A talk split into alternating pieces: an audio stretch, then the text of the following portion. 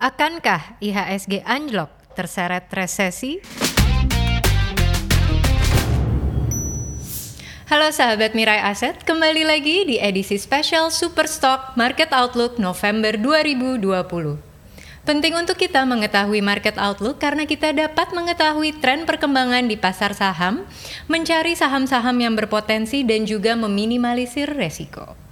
Hari ini senang sekali saya ditemani oleh Bapak Haryanto Wijaya selaku Head of Research Mirai Asset. Hai Pak Har. Halo, Bu Alia.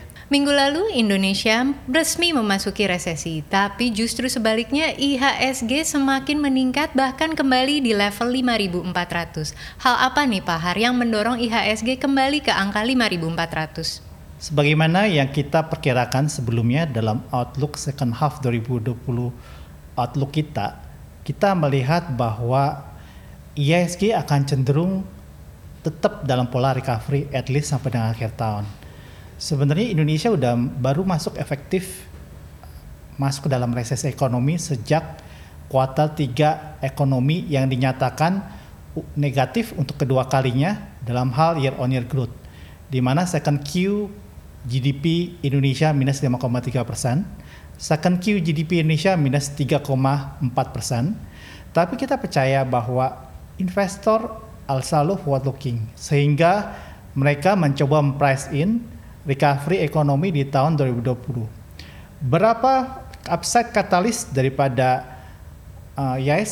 Salah satunya adalah masif foreign inflow juga belakangan ini setelah pemilihan presiden Amerika Serikat. Kita melihat bahwa foreign inflow sejak tanggal 4 November 2020 yaitu sejak Joe Biden diperkirakan menjadi uh, pemenang dari hal pemilihan presiden Amerika Serikat kita ngeliat masih foreign outflow terjadi pembalikan sejak yang biasanya dari awal tahun outflow signifikan dari saham Indonesia menjadi signifikan inflow ke saham Indonesia ini mensupport recovery dari IHSG.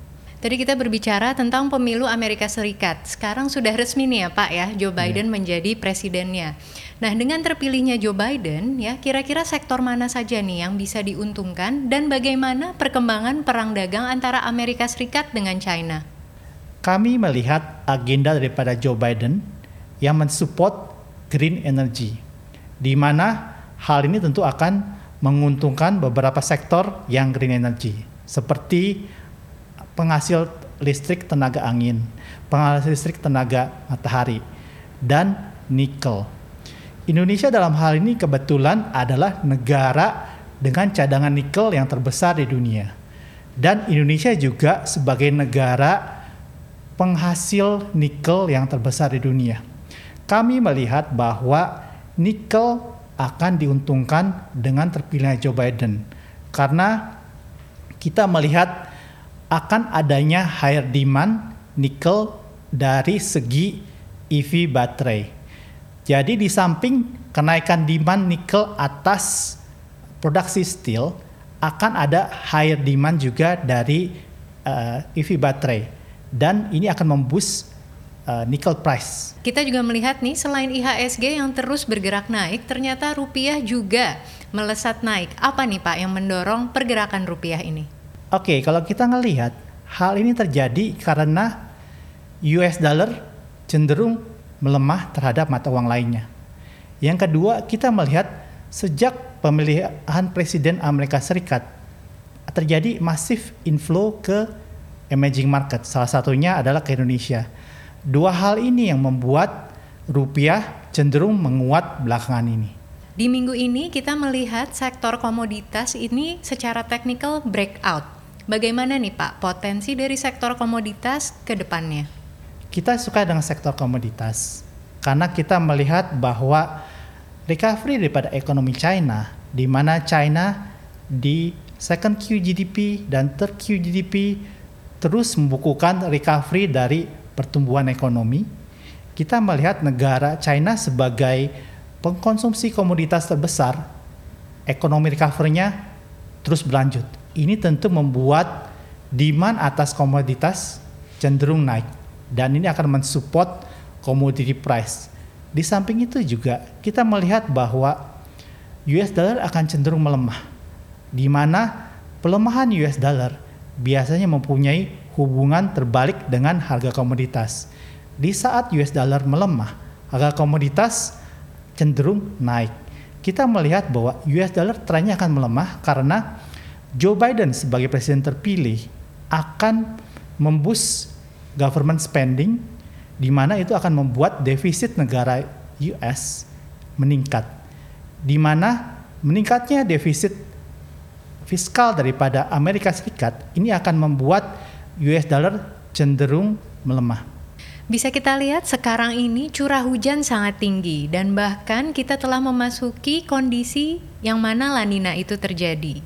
Dengan kondisi seperti ini, apakah sektor CPO akan mengulang masa kejayaannya seperti di tahun 2010 dan 2011, Pak? Untungnya di saat ekonomi seperti ini, lanina terjadi. Lanina saya percaya akan membuat CPO sektor akan mengulangi kejayaan tahun 2010 dan 2011. Kalau kita ngelihat La Nina ini membuat harga CPO naik dan kalau kita ngelihat data terakhir inventory CPO di Malaysia rendah hanya sekitar 1,5 juta ton CPO. Menurut Oilworld, Oilworld adalah forecaster CPO yang terkemuka. Mereka memperkirakan level rendah inventory di Malaysia ini akan terus berlanjut at least sampai dengan Februari 2021. Tentunya ini akan mensupport CPO price. Uh, kita melihat bahwa Astra Agrostari dan Londo Sumatera adalah counter CPO yang akan diuntungkan dengan kenaikan harga CPO ini. Di earning season ini, berbagai emiten telah merilis laporan keuangan kuartal 3. Bagaimana kondisi emiten menghadapi tantangan 2020 ini dan sektor-sektor mana nih Pak yang mengalami perbaikan? Kalau kita melihat, OJK memberikan relaksasi yang di mana seharusnya laporan keuangan third quarter 2020 harus dipublish di Oktober tapi karena kelonggaran yang diberikan OJK, mereka diperbolehkan mempublish laporan keuangan sampai dengan November 2020. Dari 27 laporan keuangan atas 45 company yang ada di LK45, kita melihat bahwa agregasi laba bersih perusahaan-perusahaan tersebut eh, di third turun sekitar 32 persen, lebih dalam dibandingin penurunan laba bersih di second quarter yang turun 28%. Sektor-sektor kita melihat hanya infrastruktur sektor yang membukukan pertumbuhan year on year, di mana uh, sektor lainnya terjadi penurunan year on year, tapi beberapa sektor terjadi recovery dalam hal pertumbuhan Q on Q dibandingin second Q 2020. Berapa sektor yang membukukan pertumbuhan Q on Q adalah satu perbankan, yang kedua adalah consumer, yang ketiga adalah infrastructure, yang keempat adalah basic industry. Seperti yang tadi telah dikemukakan oleh Pak Har, foreign investor kembali masuk ke Indonesia.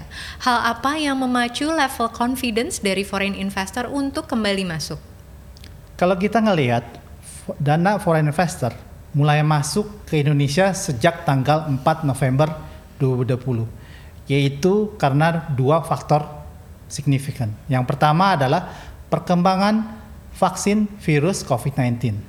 Yang kedua adalah kemenangan Joe Biden sebagai Presiden Amerika Serikat, di mana kita melihat sejak tanggal 4 November 2020 terjadi masif inflow ke emerging market. Salah satunya adalah ke Indonesia kita melihat bahwa inflow yang saat ini masuk adalah masih berasal daripada passive managed fund atau ETF.